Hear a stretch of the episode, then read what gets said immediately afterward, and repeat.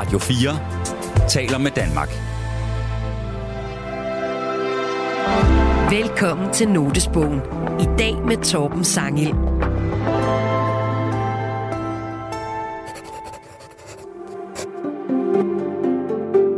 Jeg tager noter, når de kommer til mig, og jeg enten har øh, pen og papir eller en computer ved hånden.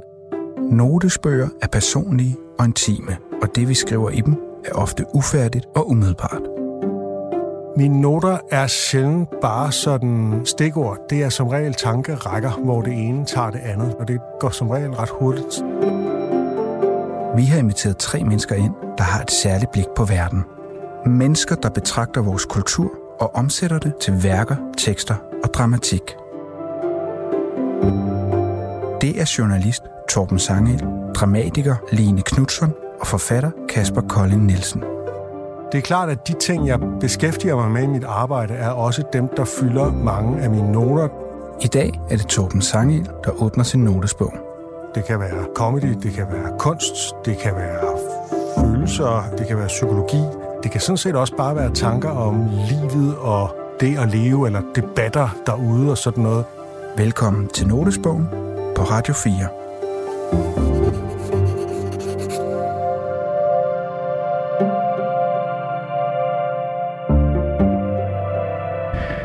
Hej, det er Torben Sangel her. Jeg er ved at skrive en bog om følelser.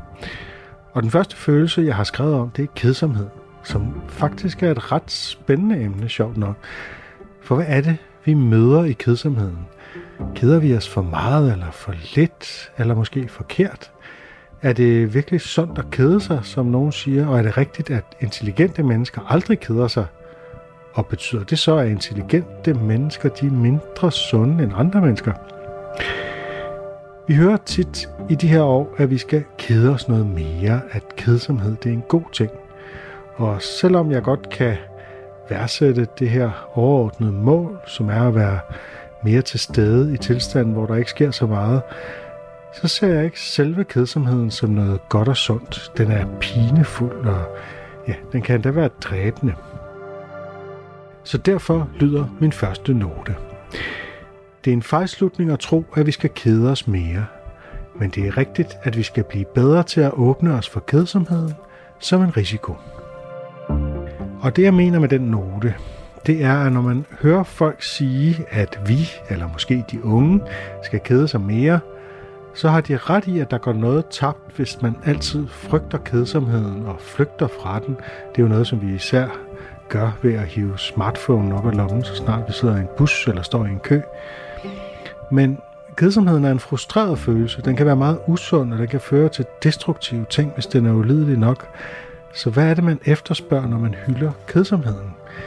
Der vil jeg så påstå, at det ikke er kedsomheden selv, men det er de ting, man åbner sig for, hvis man åbner sig for kedsomheden, som er at mærke sig selv og være kreativ og få gode idéer og strøtanker og være mindful og give hjernen en pause og kigge hinanden i øjnene og få snakket ordentligt sammen eller endda at have sex.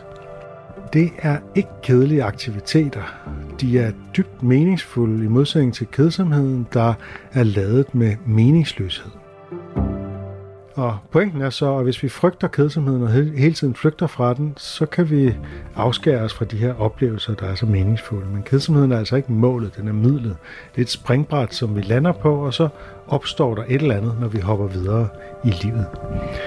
Det gælder i hvert fald den lette midlertidige kedsomhed, og den vi selv kan handle os ud af, og der er så nogle andre, der holder os fange, og som kan føre til forfærdelige ting i værste fald.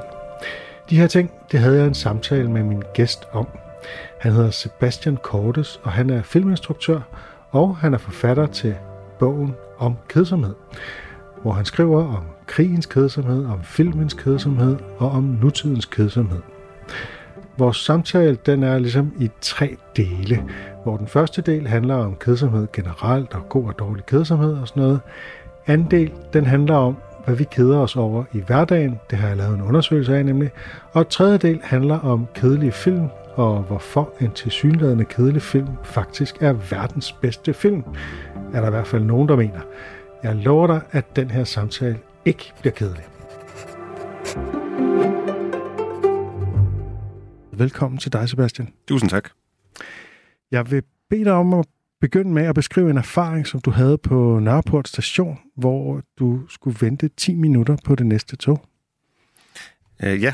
ja, det er en, øh, et eksempel, jeg har uh, i min bog. Um, og, og jeg tror, det er også en af de oplevelser, der gjorde, at jeg faktisk fik lyst til at skrive mere om uh, kedsomhed. Altså, jeg står bare som en hver anden og, uh, og venter på toget, og jeg tager min telefon frem og ser, at den har, jeg tror, 4% strøm. Øh, jeg har min billet på telefonen, så jeg kan jo ikke øh, begynde at bruge strømmen, fordi så får jeg en bøde. Og jeg skal også svare på et andet en sms, tror jeg, når jeg ankommer, hvor jeg er henne. Øh, så jeg lægger min telefon i lommen, og så melder kedsomheden sig. Den første kedsomhed. Øhm, og der er ikke noget at lave. Og jeg har ikke nogen venner med mig, jeg har ikke nogen bog. Øhm, og ja, det hele er på en eller anden måde meningsløst. I, i den meget milde forstand selvfølgelig. Og så begynder jeg at kigge rundt, og, man, og jeg opdager den her, øh, de her skærme, jeg ved ikke, om nogen har lagt mærke til det, jeg havde ikke før, som er de her overvågningsskærme, så man kan se folk rundt omkring, øh, og, og det bliver hurtigt også kedeligt, fordi folk foretager sig jo ikke andet end at stå og kigge på deres telefoner på den perron, ja. som jeg jo ikke kan. Og så opdager jeg øh, rejsekortstanderen, eller øh, den her, hvor man tjekker ind. Med den blå cirkel. Med ja. den blå cirkel. Og så tror jeg, jeg vil sige, at jeg står og stener. Altså, jeg lægger ikke rigtig mærke til, hvad jeg laver, og det er jo måske også det, der nogle gange sker i kedsomheden, at jeg bare står og kigger på den. Og så går der nogen hen og tjekker ind, eller ud, og så begynder den jo at lyse lidt, øh, og så stopper den igen. Og så går det op for mig, at den her runde blå cirkel står og pulserer. Den fader ind og ud. Og så på et eller andet tidspunkt, så går det op for mig, at det er jo et, øh, altså det er jo et hjerteslag. Eller det er jo en eller anden form for menneskeliggørelse af den her maskine. Ja. Den kunne bare lade være lys. Eller have en lyssætning, eller og blinke måske vil være for hårdt, men den har den her... Um, um. Det er dybt fascinerende for mig, der er nogen, der virkelig bare har brugt tid på det her, og, de har stået, og det er jo det er jo noget, man lægger mærke til ellers. Så ja, det er den, det er den uh, milde kedsomhed, der gjorde, at jeg blev forundret, at jeg kiggede rundt i verden. Og jo faktisk fandt ud af noget om verden. Ja, noget, altså nu er det bare noget gæt. om rejsekortstandernes design, som jeg ikke vidste, og som jeg tror mange ikke har lagt mærke til. Ja. Nogen har sikkert, men uh, det, det vil kræve, at man sådan har den der opmærksomhed, som kedsomheden så blev et springbræt hen til, kan man sige. Jeg vil faktisk sige, det, øh, jamen det var ikke en opmærksomhed jo. Det var det, der var pointen, fordi hvis det havde været en opmærksomhed, så havde jeg været, altså, så havde jeg været rettet mod noget. Men fordi jeg ikke har rettet mod noget, fordi verden ikke gav mig nogen som helst stimuli, så begyndte jeg jo også at finde og give, give mening til verden selv. Men du kiggede jo dog på de der rejsekortstandere, så en eller anden grad af opmærksomhed må du have haft mod dem. Ja, så det er det, der, man prøver ligesom, og det tror, der er en bog, der hedder Experience Without Qualities, som er den måde, man kan beskrive øh, kedsomhed på. Altså, du oplever jo noget, men der er ligesom på en eller anden måde ikke nok. Der er ikke nogen kvaliteter, så du søger rundt, og så rammer opmærksomheden et eller andet, og så tænker man, det der er det mindste noget, kan man sige. Ja, og det var det, jeg mente med opmærksomhed. En lille, lad os kalde det den lille opmærksomhed. Ja.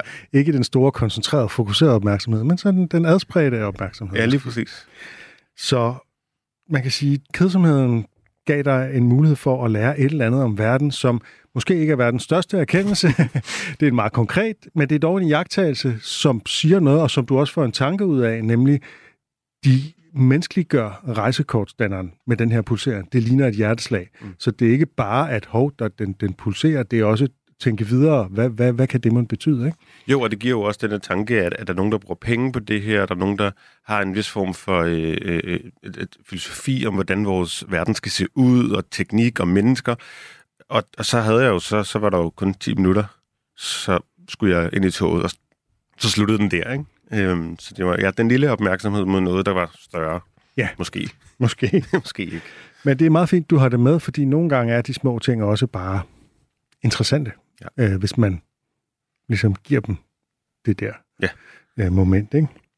Lad os lige få kedsomhed på plads. Du skældner mellem tre former for kedsomhed. Kan du sådan kort øh, opregne de tre former?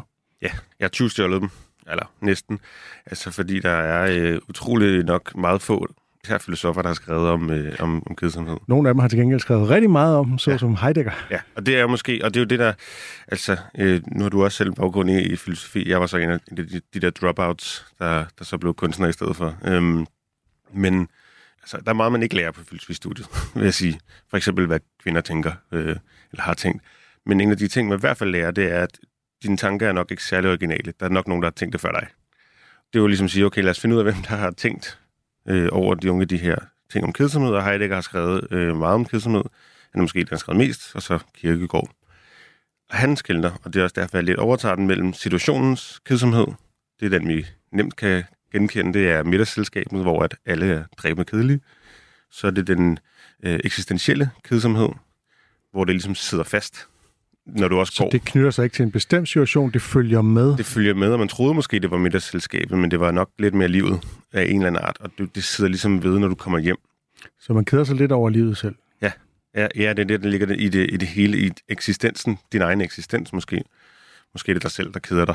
Øh, og så siger Heidegger den sidste, den dybe kedsomhed, eller den mest ekstreme form det- på det her øh, spektrum, den dybe kedsomhed er den her, som han sammenligner med angsten. Altså den ekstremt ubehagelige kedsomhed, som bliver meget kropslig, og du har lyst til at bryde ud. Øh, og det kan jo enten være negativt eller positivt. Han mener ikke, at den er hverken negativ eller positiv, men den er i hvert fald ubehagelig. Det kan jo lyde paradoxalt, men den, den, den sætter så meget i gang i dig, at du nok gør noget. Enten tænker meget over tingene, eller slår nogen ned. Øh, Så ja. den, er, den, den kan egentlig være både positivt og negativt lavet.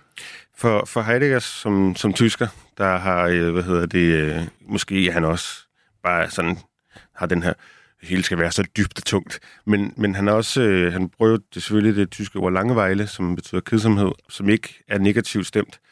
Øh, han, og det synes jeg egentlig er det, det meget poetiske med det, han sætter det sammen med øh, Færvejle, som er at dvæle. Så kedsomhed. Ja. er en slags dvælen i tid øh, Ja. ja. for, for ham, ja. og, og tror jeg også for mig.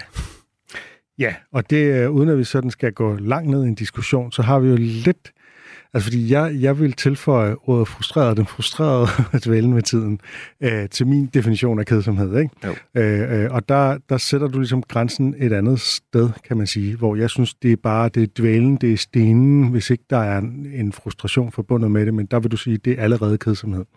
Ja, altså jeg vil, jeg vil måske endda udvide spektret øh, nedad, altså som Heidegger nærmest ikke engang gør, jeg vil også have at stene, eller hvad man, det Ja, ja, er et dejligt præcis. øh, udtryk på Ja, ja, dansk. sten. Ja, lige præcis. Det er også kedsomhed for mig, at, at, at stene. Øhm, og det er ikke negativt stemt. Det kan, det kan godt blive det. Øh, men det har en eller anden form for... Øh, det er en stemning, hvor verden ikke giver dig noget.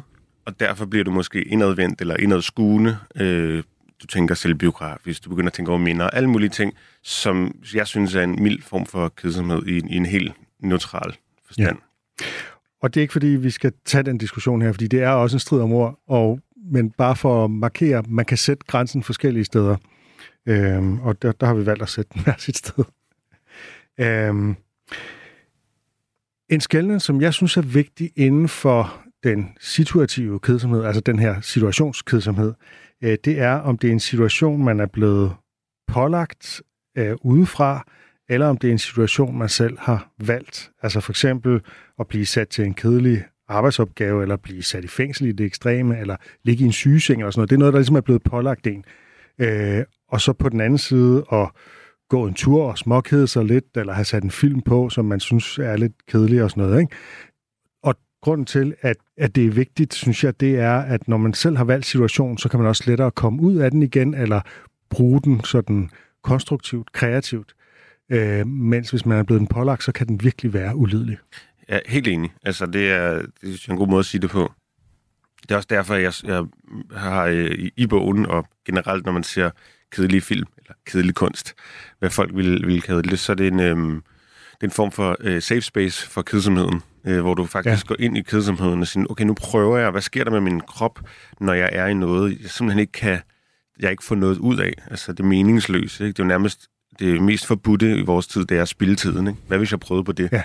Øh, og, og, og det er selvfølgelig øh, ikke, altså et møde er jo også frustrerende kedsomhed, eller, og det vilde eksempel er isolationsfængslet, eller soldaterne, som jeg også har i, i, i bogen, øh, der er udsendte for eksempel. Som vi kommer tilbage til lige om lidt. Ja. ja.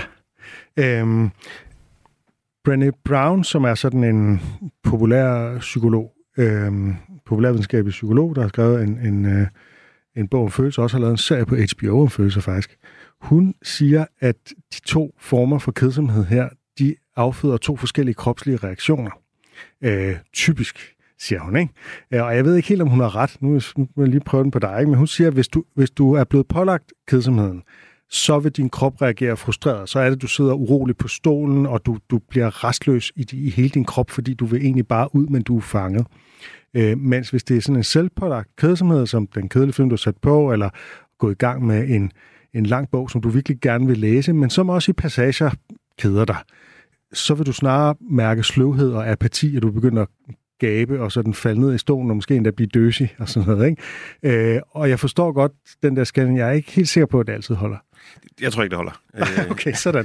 øh, eller det, det ved jeg ikke. Øh, øh, nu skal jeg ikke være, være verdens største ekspert på kedsomhed, men jeg, jeg har heller ikke set øh, altså undersøgelser, der skulle vise det. Øhm, Nej, og hun kan... henviser heller ikke til nogen. Hun, hun nævner det bare om jeg, jeg tror, at øhm, altså, fordi der er også masser af, af dagbogs, øh, hvad hedder det, øhm, skildringer fra isolationsfængsler og folk, der sidder på dødsgangen og alt muligt, som, som er apatiske, den slags. Lige præcis. Og omvendt vil jeg sige, at øh, de film, jeg har set, der var altså, mest sådan kedelige i, i den, den forstand, der sad jeg med ud på stolen og rukkede rundt og gik sådan, altså kropsligt på en eller anden måde, kløede det næsten, ikke?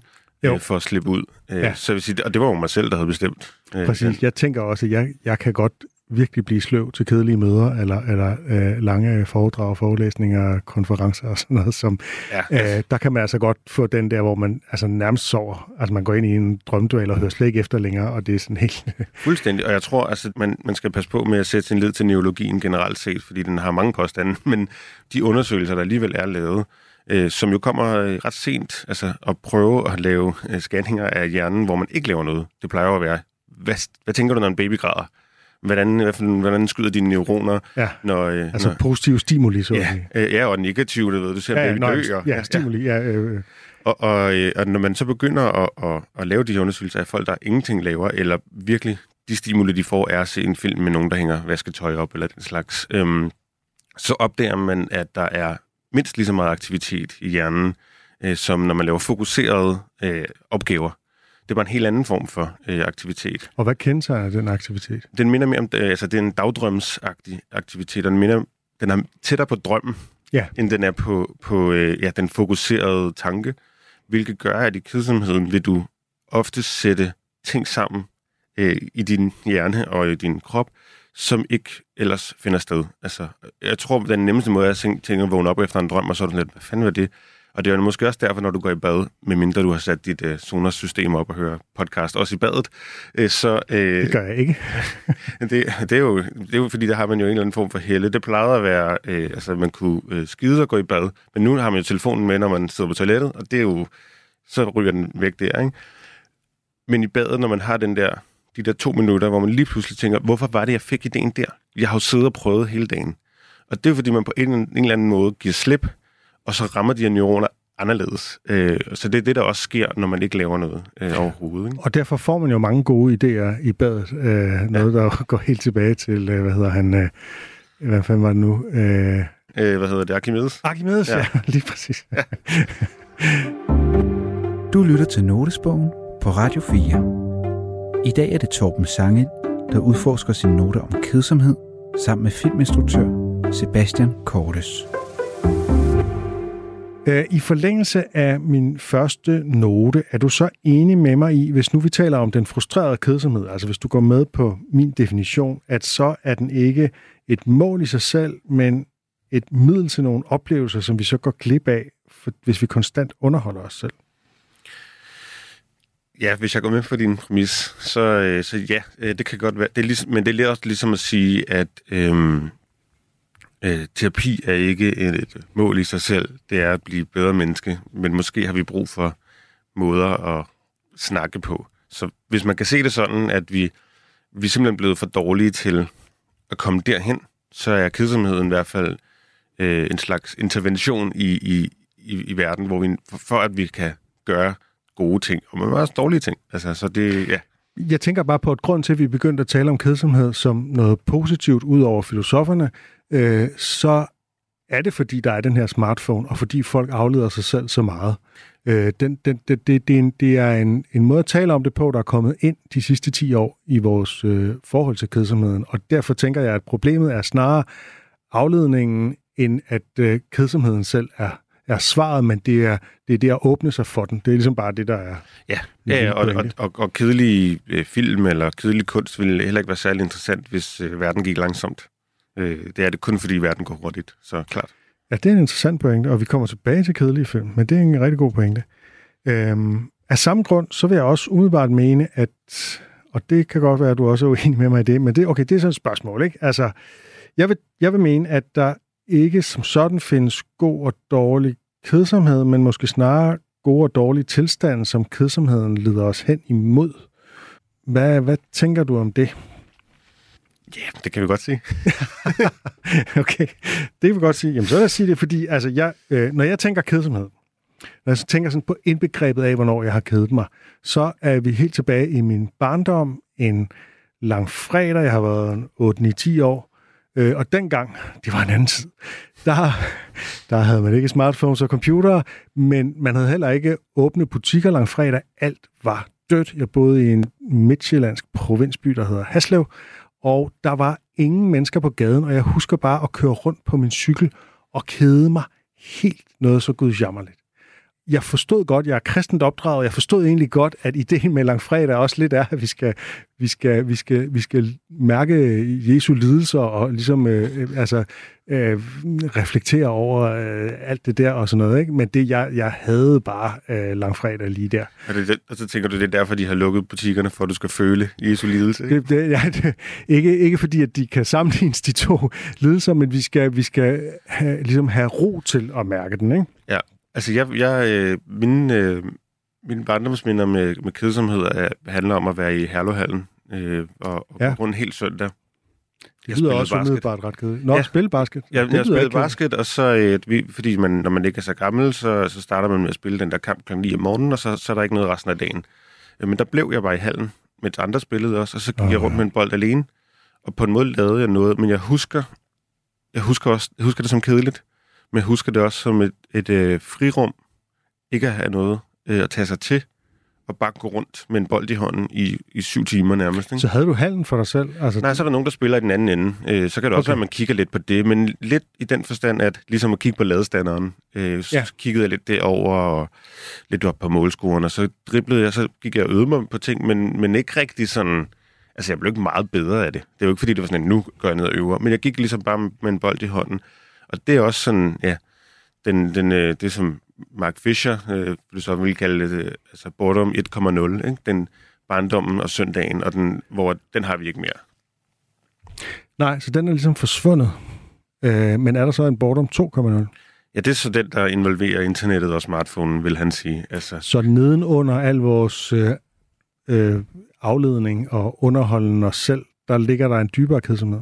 Jeg tror, det der, det der er... Øh, altså det, som smartphonen forbruget er et symptom på, er, at vi netop er bange for kedsomheden, fordi vi måske, måske godt ved, hvad der vil ske, hvis vi, øh, hvis vi blev for lang tid i den. Og det er ikke bare at lægge mærke til ladestanderen, det er måske den eksistentielle kedsomhed, altså det her, øh, det her angstfulde sted, man kan komme hen, fordi det er også øh, destruktivt og reflekterer rigtig meget, og det kan man godt mene godt eller dårligt, men det kan have nogle konsekvenser, at du tænker for meget over tingene, og du vil gerne lave om på dit liv, eller whatever it is. Øhm, og det tror jeg er, øhm, er en af grundene til, at vi, og det er jo, jeg bruger til det her begreb med det relativt universelle, selvom det er jo paradoxalt at sige, ja. fordi øh, der nok ikke findes særlig mange ting, der er universelle, men at rigtig, rigtig, rigtig mange mennesker tager telefonen op, inklusive mig selv, øh, og swiper Instagram, i stedet for at blive i kedsomheden, og måske tænke over, hvordan livet er og jeg tror, det vigtige for mig er øh, her, det er, at øh, jeg synes, det er en sund reaktion, faktisk. Øh, altså, det er ikke sundt i en, en general, men det er en sund reaktion på en verden og et samfund, der kræver meget af os, at vi deltager hele tiden. Så for at slippe væk, tager vi det, der er nærmest. For at slippe væk fra ræset, så tager vi øh, headphones på, øh, hører podcast, hører musik, øh, hvor, hvorfor opstår der noise cancelling øh, headphones lige pludselig? Det er ikke bare, fordi vi er blevet dygtige. Det er, fordi vi, vi bliver påduttet så meget. Vi skal deltage i alt. Når du går ud og spiser, så skal du svare på syv e-mails, om det var en god øh, middag eller ej. Bare du får sendt en pakke, så skal du fortælle, om din øh, oplevelse var din god. oplevelse var god med at hente pakker. Altså, det, der er en eller anden, der er hele tiden en krog i os, og, og, øh, og kommentarspor Øhm, og der tror jeg, at det her med, altså det, den frygt, der ligger for kedsomheden, er, at vi, vi på en eller anden måde, øh, jeg bliver påduttet alt det her, og så tager vi det, så vi kan. Altså, det er sådan en, en, en, nødhjælpsting. Ikke? Vi tager det, vi kan, for at komme væk fra øh, frustrationen. Øh, og, og der det, ligger smartphone jo meget nærliggende. Og der ligger smartphone, og det er også derfor, jeg, jeg synes, man skal være påpasselig med, øh, med individualisere skammen. Ja. Øh, at øh, alle skal gå og have det dårligt. Altså, øh, hvis man kan håndtere øh, det her samfund, der kræver, altså, det eneste politikerne snakker om, at vi skal arbejde mere og mere. Øh, hvis man kan håndtere det, uden at kigge på sin smartphone, altså, tillykke. Øh, det kan jeg sgu ikke. Øh, det tror jeg, der er ret mange, der ikke kan, øh, fordi vi bliver påkrævet rigtig meget. Øh, så så jeg, jeg, jeg tror, at man skal i hvert fald hvis man skal sige, at det er et problem, at vi kigger på vores telefon for meget, så skal man kigge på, hvorfor øh, vi gør det. Og, ikke, og det er ikke, fordi vi er individer er dumme.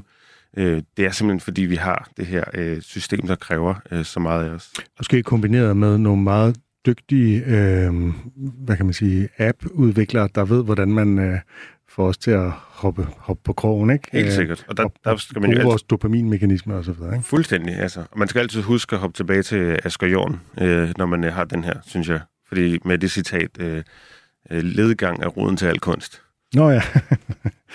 ja, øh, det er jo så øh, den meget positive øh, øh, konsekvens af kedsomhed, kan man sige. Hvis vi så kigger lidt på, hvad der kan være af dårlige konsekvenser af kedsomhed, hvad, hvad kommer du så i tanke om, hvis vi sådan begynder i den lette ende? Jamen, øhm, statistikker, der viser, at øh, flere postkasser bliver slået i stykker i USA, når der er sommerferie. Fordi der ikke er så meget at tage sig til, kunne det være. Det er også en klassisk øh, fortælling, det der med, især ude på landet og i de små byer, at, øh, at folk keder sig så meget, at de netop begynder at begå herværk og brænde dæk og øh, sniffe lim og øh, alt muligt andet, ikke? Jo. Øhm, Ja, altså, øh, Jomfru Band har det her, øh, den her fantastiske sang, der hedder Asfaltballet, som ja. handler om øh, alle de her øh, beton, ja, betonbyer, der skyder op, som jeg selv er vokset op i, i Herlev i øvrigt. Øh, så jeg kan meget, meget genkende til det. det. Det virkede som en eller anden utopi, men der er ikke noget at tage sig til. Du har ikke ligesom lavet et, et, et, et, øh, et lækkert liv. Du har kun lavet bygninger til at bo i, så hvad, hvad skal man foretage sig? Øh, så siger nu skal uroen ud af kroppen, og helst inden natten er omme, og så tyr man til volden. Øh, Ja. ja.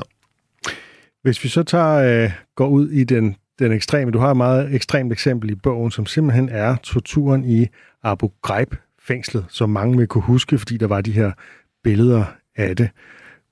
Prøv at forklare, fordi det, man, det første, man tænker er nok ikke, de har nok kædet sig. Øh, prøv at forklare, hvordan det hænger sammen med kedsomhed. Ja, altså man skal i hvert fald uh, gå med på præmissen af, altså som vi lige har snakket om, altså øh, øh, at være i en situation, som er fastlåst. Og, øh, de, de, var, de, de var ligesom fangevogtere i det her fængsel? De fangevogtere et sted som soldater, ude, som soldater og ude i ørkenen. Øh, og de, hele systemet omkring øh, Abu Ghraib er altså fatalt på alle mulige måder. Øh, det er et meningsløst sted at være, selvfølgelig som fange. Altså, det er klart. Øh, men hvis man kigger på soldaterne, så har det også været meningsløst for dem, der er ikke overordnet, der tager sig af dem. Øh, de, har, de får ikke ordentlige øh, forhold. De har det helvedes til, basically også. Det er selvfølgelig ikke dem, der har det værste. Det er klart, fangerne stadigvæk, skal man huske.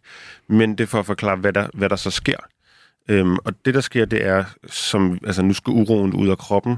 På en eller anden måde, når verden er meningsløs og meningstom, så må du prøve at skabe noget, må at skabe mening.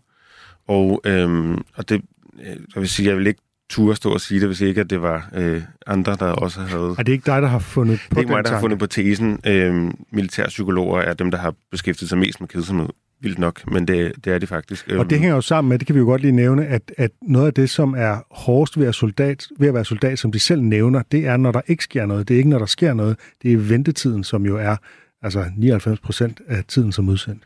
Ja, altså, øh, ja, det er jo sådan en saying, øh, som de her militære psykologer bruger, altså, at, at krig er, øh, hvad hedder det, 99 procent øh, kedsomhed og 1 procent terror. Ja, og, og det, det er ligesom, du er trænet til kamp. Du, du, du, du, du, hele dit øh, system er sat op til at agere konstant, og nu må du ikke gøre det. Øh, så du er også blevet placeret som job, kan man sige, forkert. Øh, altså, som podcast verden må du ikke tale lige pludselig. Hvad fanden altså, skal du så gøre, ikke? anyways, de, de har øh, den her situation, og det de så begynder at gøre, det er jo at agere kreativt, vil jeg sige. Og det skal forstås igen, hverken negativt eller positivt, det er, at de begynder at gøre ting, som på en eller anden måde kan holde dem beskæftiget. Og det, der er det vilde ved de her billeder også, det er de performative billeder, altså de, øhm, de her værker, som de skaber. Og det er også tortur, men det mest kendte eksempel er det her øh, mand, den her mand, der står på en kasse med en hætte over hovedet, og så to hænder, der holder i sådan nogle øh, strømkabler. Øh, strømkablerne er ikke sat til noget. Øh, de er puttet på den her person, kun for at tage et billede. Øh, personen har fået ekstra mad for at stille op. Øh, det er selvfølgelig fuldstændig horribelt at gøre, uanset hvad. Men det vilde er, at de begynder at skabe de her skulpturer og tage billeder af dem. Hvis man nu var klog og ville kun torturere, så skal man jo ikke dokumentere sin, sin tortur. Nej, så billederne har på en eller anden måde været målet. Billederne har været målet for at øh, lave et eller andet. Og jeg tror, at det, der sker rigtig meget i kedsomheden generelt, det er, at du begynder at tage fat i noget inde i dig. Altså, øh, hvis du i forvejen er, hvad lad os sige, øh, racistisk anlagt, og du keder dig, så bliver du måske øh, Facebook-kriger øh, under corona eller noget. Og det tror jeg, det er det, der sker her. Der kommer nogle ting frem i de her mennesker, de her soldater, som er den her øh, amerikanske underbelly øh, af, af, af frustrationer og øh, racisme og øh, vold, som kommer frem, fordi de er i den her situation øh, alle sammen. Og nu kommer du til at sige, at det hverken var øh, godt eller dårligt. I det her tilfælde, i det konkrete tilfælde, må vi nok sige, at det er, at det er noget modbydeligt noget. 100, det var fordi, jeg kom, kom til ja. at bruge ordet kreativitet, og ja. det lyder som om det er sådan... Ja, så du mener selve ordet kreativitet. Ja. Jeg vil bare understrege, så vi ikke får en eller anden lytterstorm, at uh, ja. du taler ikke... Der, der mente du simpelthen det at være kreativ, som sagt. Simpelthen, og jeg tror, det, det her eksempel er, er en, altså, det er det grældeste eksempel, tror jeg, kan komme på konkret, men det, det viser, at kedsomheden i sig selv har potentialet til også noget fuldstændig forfærdeligt, hvis du ender i en situation, du ikke kan komme ud af. Du lytter til Notesbogen på Radio 4. Nu skal vi fra noget, et meget mørkt sted til den mere hverdagslige kedsomhed, og øh, vi skal tale lidt om min bog. Vi skal nok komme tilbage til din bog. øh, min anden note, den lyder, når man spørger folk, hvad de keder sig over, får man ret forskellige svar. Nogle keder sig på arbejdet, andre når de holder fri. Nogle keder sig alene, andre når de ikke er alene. Nogle keder sig over brætspil, eller film, eller sport i tv, så der er ikke én typisk kedsomhed. Der er en række typisk kedelige situationer. Det var noten, og den kan jeg skrive, fordi jeg faktisk har lavet en undersøgelse til min bog, hvor over 300 mennesker har svaret på en række spørgsmål om, hvornår og hvordan de keder sig, og hvad de gør ved det. Øh, det er ikke en videnskabelig undersøgelse, men den kan godt give et fingerpeg om, vi er henne. Så jeg tænker, at vi lige prøver at tage de forskellige typiske situationer og, og lige vender dem. Øhm, den første, det er arbejde. Altså folk keder sig på arbejdet. Mange keder sig på arbejdet. Slet ikke alle. Nogle elsker deres arbejde, øh, her blandt mig selv, men nogen keder sig på arbejdet. Men det, de keder sig allermest over på arbejdet, det er møder møder, der er for lange, for unødvendige, hvor de ikke forstår, hvorfor de overhovedet er indkaldt til mødet, hvor der er nogle kolleger, der kommer med meget lange spørgsmål for at imponere chefen og alle sådan nogle ting. Det lader til, at vi har en ret dårlig mødekultur i Danmark. Altså, ja, helt, altså helt vildt. Jeg kom til at tænke på, øh, lige nu, da du stod og snakkede om det, øh, på Barbie-filmen, mærkeligt nok, med, med, med Kent, der siger, my job is just beach. Det går op for ham, at han bare er på stranden. Det er ligesom det, hans liv er. Og jeg kom bare til at tænke på, hvor mange, hvis det lige stoppede op i kedsomheden derhjemme, vil sige, my job is just meetings. Altså, ja, der er, ja. hvad er det, jeg laver hver dag? Jeg går bare til møder. Øh, ja. Og det er ikke så vigtigt, hvad, der sker i møderne, men der er mange møder. Okay? og det er rigtig godt, fordi så har vi teams, og vi har det hele kørende med alle mulige møder, og vi beslutter ting, og vi hører hinanden. Øhm, jeg tror, møder er en, en fin opfindelse menneskeligt set, at vi ja. alle mulige måder, vi kan debattere og blive enige og uenige. Man skal bare ligesom tænke sig om, hvem man indkalder til mødet, hvor lang mødet skal være, og øh, øh, hvor, hvor kort tingene kan siges. jeg, jeg prøvede på et tidspunkt, og øh, fordi jeg har, jeg, har også et, et, øh, sidegig som, som kunstnerisk leder i Holstebro for en filmuddannelse, også når jeg ikke står her. Og der øh, skulle jeg indkaldes til et møde på kommunen, som det jo, man bare hedder kommunen, og bare et stort øh, monstrum. Og jeg kan huske, at jeg kiggede på den her indkaldelse, og ikke kunne finde ud af, hvad det handlede om.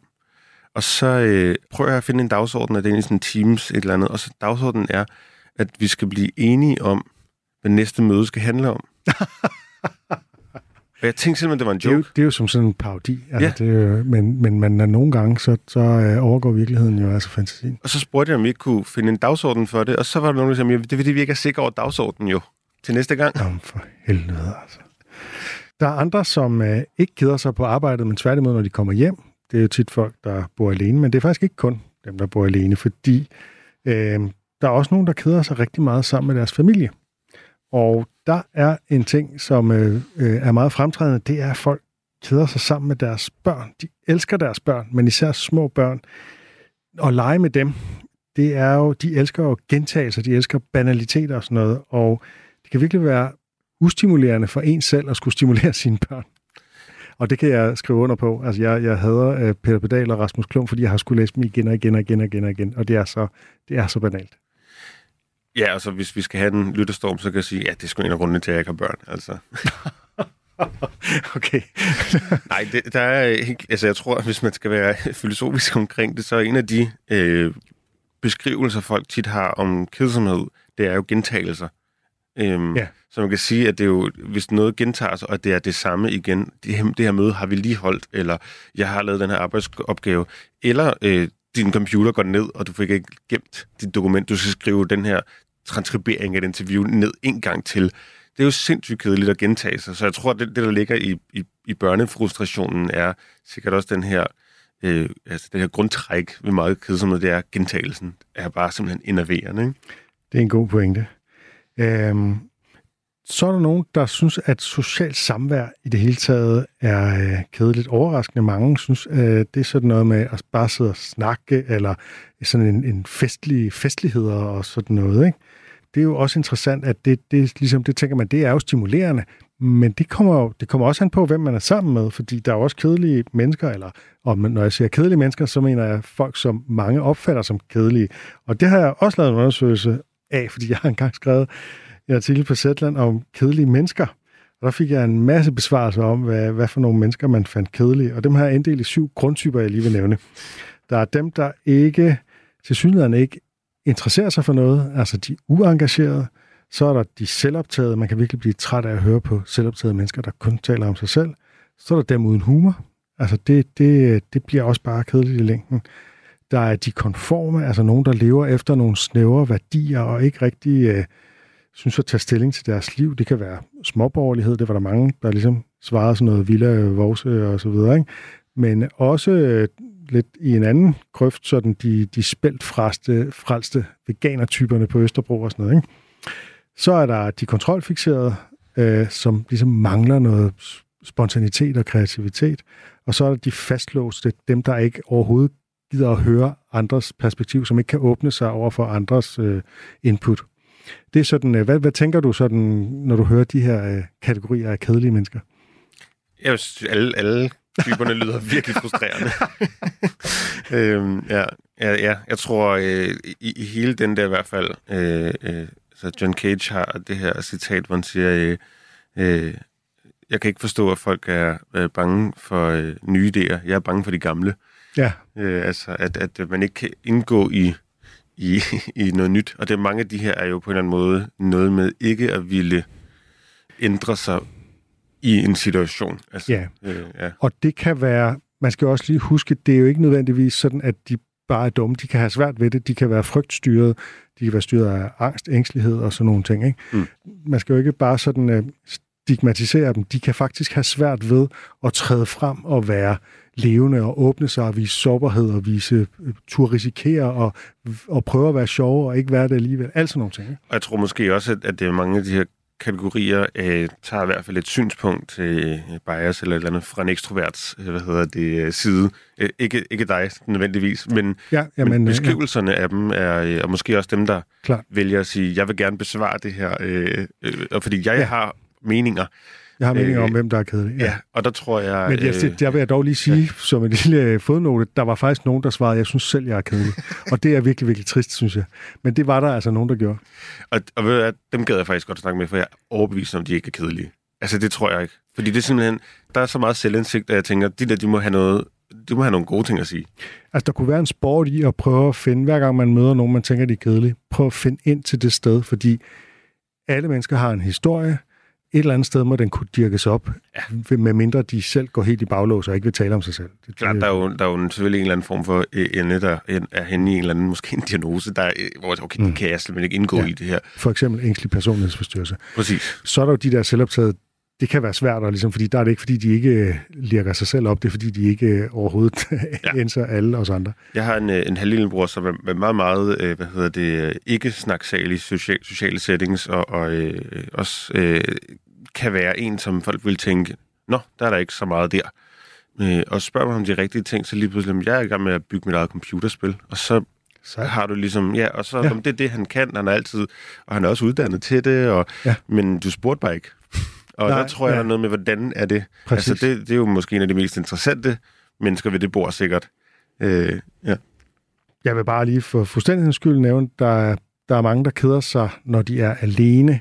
Og det, øh, er lidt interessant, fordi nu nævnte du det her med ekstrovert og introvert. Altså der er det jo, de introvertes fest er jo, øh, så at sige, øh, når de er alene med sig selv. De keder sig ikke i eget selskab, men der har de ekstroverte et handicap. Normalt så er det de introverte, der er misundelige på de ekstroverte. Det har jeg også skrevet en artikel om.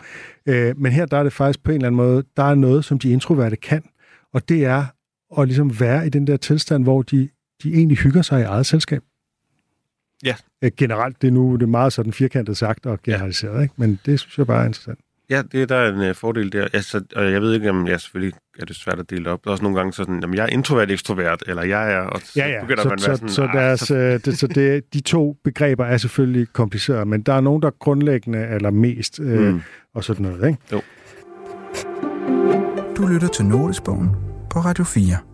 Nu skal vi tale om film og kedelige film som øh, øh, film er jo noget, nu vil jeg ikke sige kedelig film er noget, du selv laver, men film er noget, du laver som, som filminstruktør, og noget, som du også øh, skriver om. Og min tredje note, den lyder sådan her.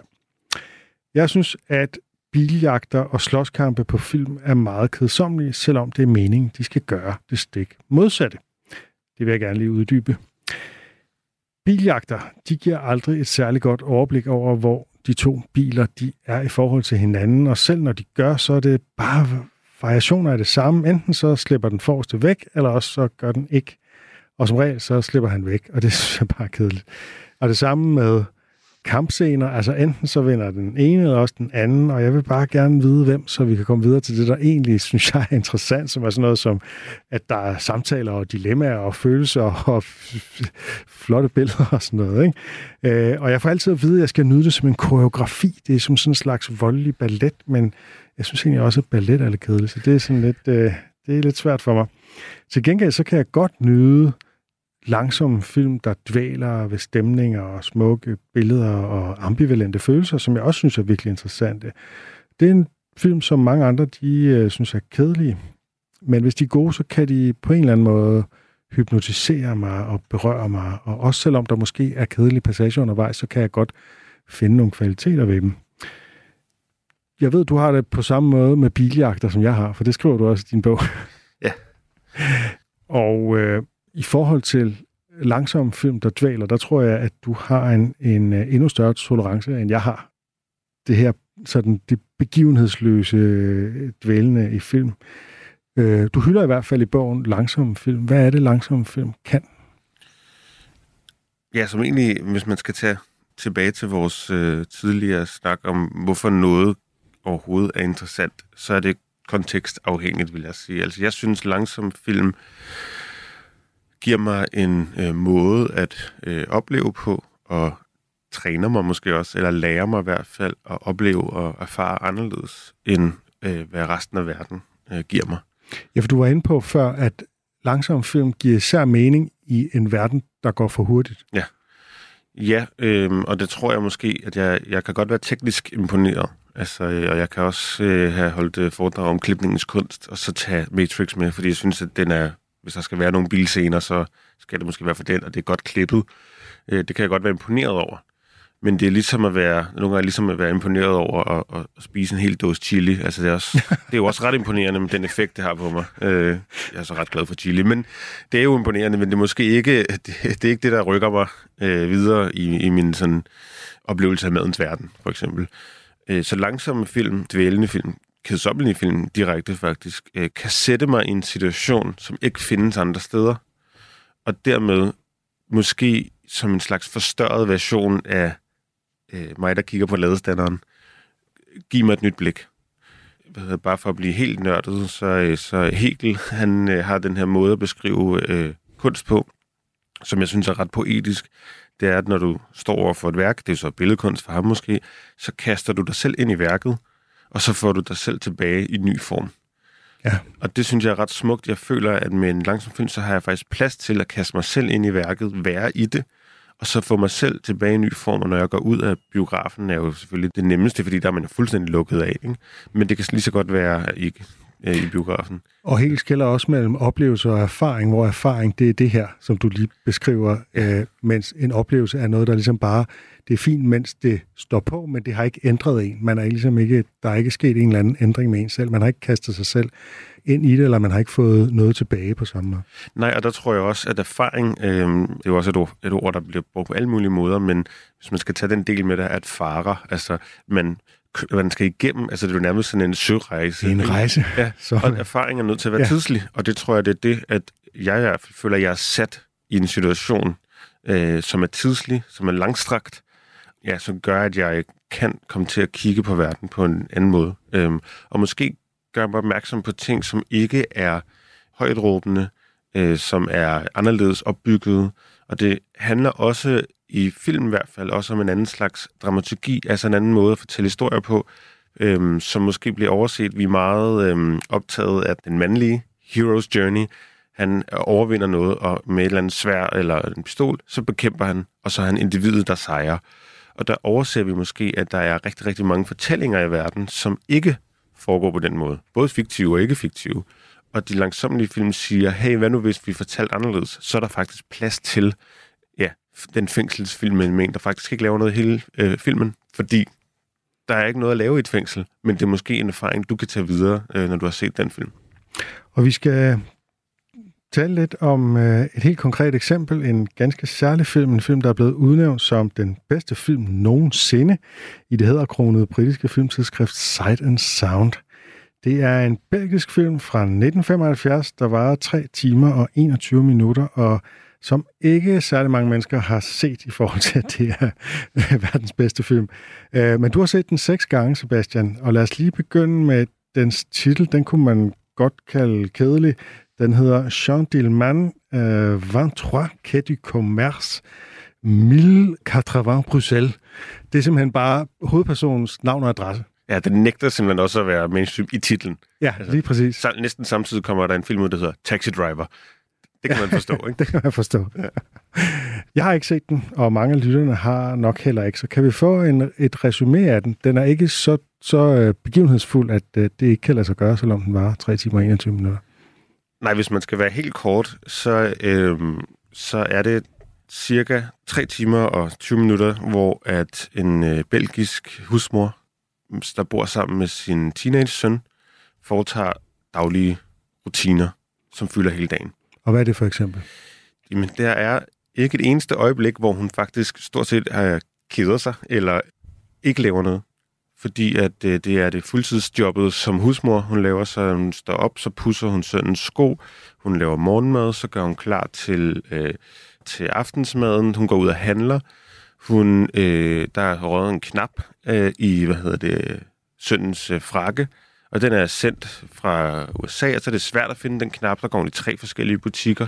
Der har vi konflikter første vendepunkt og sådan noget. Ja, og det, der er vidderligt ingen, og det, det er måske det, der er det vildeste ved den. Der, det, der sker, hvis man alligevel skal spoile lidt.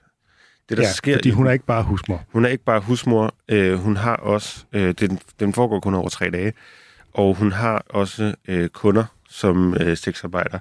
Det, der er det interessante ved det, det er, at det ser vi aldrig vi ser en mand ankomme, og så klipper den det ud.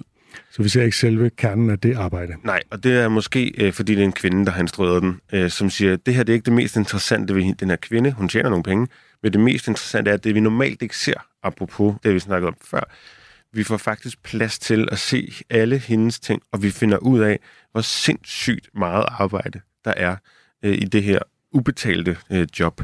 langsomt krakelerer hendes, øh, hendes liv. Meget, meget langsomt. Jeg kan ikke huske, om det er efter en time, hun taber en ske og bliver overrasket. Og det er... Altså, ja, det, jeg ved godt, det lyder som en joke, men det, det kom som et chok for Ja, mig. ja. Fordi det simpelthen bare er... Du sidder i den her gentagelse, og du sidder og tænker, ja. hvad er det, jeg ser? Det er jo bare et liv med... Altså, selvfølgelig er det jo anderledes end alle andre film, og det kan godt være interessant, men, men det, det krakelerer ligesom for hende. Øhm, og det gør det ikke fordi, at der er en eller anden mand, der kommer ind i hendes liv, eller øh, hvad hedder det, der er alle mulige andre øh, udefrakommende ting. Det er en indad, øh, sådan indadvendt og indenfrakommende frustration, eller et eller andet, der gør, at hendes liv krakelerer langsomt. Øhm, Og hvordan er det oplevelsen af at se den her film? Nu har du set den seks gange. altså, jeg, jeg tror, jeg, jeg var ret øhm, mindblown over at se den. Og det var jeg, fordi igen handler det om kontekst, fordi da jeg så, at når jeg har set den, så tænker jeg, må man godt det her? Altså, det er simpelthen lovligt at lave en film, der er så anderledes. Dramaturgisk set, øh, æstetisk, øh, der står ikke noget tale i den. Der er så meget i den, selvom den går langsomt, og selvom den er de her tabloer. Øh, så det var det første, det var sådan en, jamen det er simpelthen vildt, at nogen har tænkt de her tanker og gjort det her. Øh, så er der det her, altså det dramaturgiske i den, altså jeg, jeg ved godt, det lyder som en kæmpe fanboy. Det skal jo også no- noteres, at jeg er jo i gang med at skrive en bog om Du er, den her. faktisk, så du er i virkeligheden verdens største fanboy. Øh, ja, ja, og det er jo, så kan man lave reklamen. Altså, jeg er jo i gang med at skrive en bog om netop den her øh, film, øh, som hedder Verdens bedste film, selvfølgelig. Men den Nå ja. øh, gør noget, som meget få film gør, det er, at den siger, når du skal følge den her persons liv, så skal selve formen på filmen også være anderledes. Fordi det her, det er en historie, vi ikke ser normalt. Ja. Hvis den var dramatisk, så havde den været uærlig over for hendes liv. Og det synes jeg er ret unikt. Den er, sådan, den er skudt exceptionelt flot. Og den har fransk øh, films måske største stjerne på det her tidspunkt i hovedrollen, Delphine, Delphine Seyrig, som Ja. øh, laver, har lavet alt inden med alle Truffaut og Buñuel og det ene og det. Buñuel og alt muligt. Hun har lavet alle de her ting, og hun siger, at det er første gang, at hun oplever, at øh, en kvindens fortælling øh, har været ærlig i film. Fordi at det er en, og selvfølgelig også er det kvindehold, der laver den, og det er Chantal Ackermann som instruktør, der er 25 øh, på det her tidspunkt. Øhm, så, så den har alle de her elementer af anderledeshed, dramaturgisk, æstetisk, temamæssigt, øh, som, ja, som gør, at jeg ja, simpelthen bliver blæst væk. Jeg har også øh, undskyldt, når jeg har vist den til folk, fordi jeg tænker, at det må simpelthen være mig, der er sindssyg. Altså, Ja. at jeg kan lide den her. Øh, og så... Øh, folk bliver ved med at sige til mig, at de også synes, den er god. og det Ja. bliver jeg overrasket over hver gang, for jeg tror, at det Ja, simpelthen ikke tror, er... det bare dig. Jeg tror simpelthen, at jeg er blevet altså, øh, radikaliseret af, af kedelige film på en eller anden måde. Ja. ja. Det er jeg nok også, men øh, ja. Nu har du også fået støtte af and Sound, kan man sige. Ja. Men, men hvis du skal være helt ærlig, øh, hvor meget keder du dig så undervejs? Jamen, det sjove er jo, at det gjorde jeg nok ikke første gang, men jeg keder mig sikkert mere nu, fordi nu ved jeg, hvad der sker hele Ja. vejen igennem. nu ved du, den ske, den, Ja, og så gentagelsen, det er ret ironisk, at gentagelsen er, at jeg ser den, så skal være det kedelige. Og nu har vi spoilet det. Ja. det også.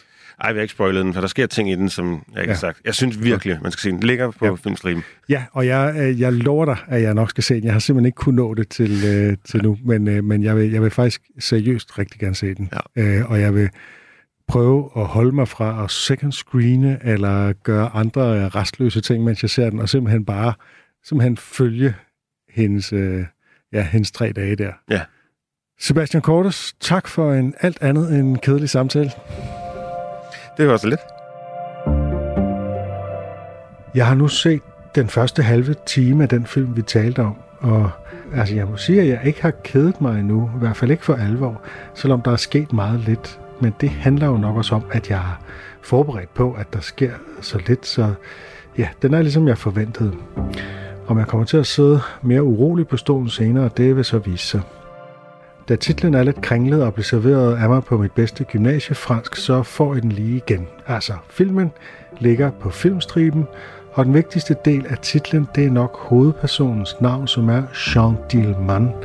Altså J-E-A-N-N-E, Jean, og så Dilman, D-I-E-L-M-A-N. Jeg synes, det var en øh, velgørende samtale med Sebastian Kortes, også selvom vi ikke er helt enige om, hvor grænsen går for kedsomhed. Det kan man altid diskutere. Jeg har som sagt skrevet mit kapitel om kedsomhed, men det er ikke redigeret færdigt, og jeg tror, at de her begreber om kedsomhed 1.0 og kedsomhed 2.0, som Sebastian var inde på, det er noget, som jeg gerne vil flette ind i slutningen af kapitlet, fordi det her med, at man kan kede sig samtidig med, at man hele tiden adspreder sig selv, det er nok en vigtig pointe.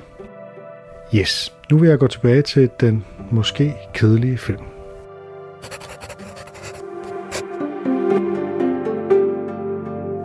Du har lyttet til Notesbogen på Radio 4. I dag var det Torben Sangild, der udforskede sine noter om kedsomhed med filminstruktør Sebastian Kortes. Programmet er produceret for Radio 4 af Munk Studios København. Producer er Anne Jeppesen, musik er af Emil Johansen, og Rune Born Svarts og Michelle Mølgaard Andersen er redaktører. I næste uge er det Kasper Kolding Nielsen, der åbner sin notesbog.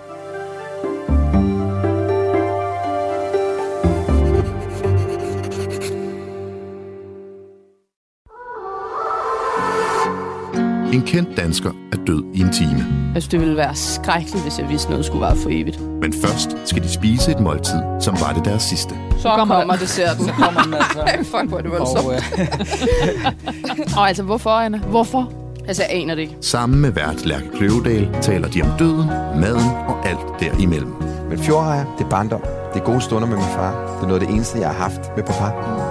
Lyt til det sidste måltid i Radio 4's app, eller der, hvor du lytter til podcast. Æret være hans minde. Radio 4. Var det det? Det var det. Ikke så forudsigeligt.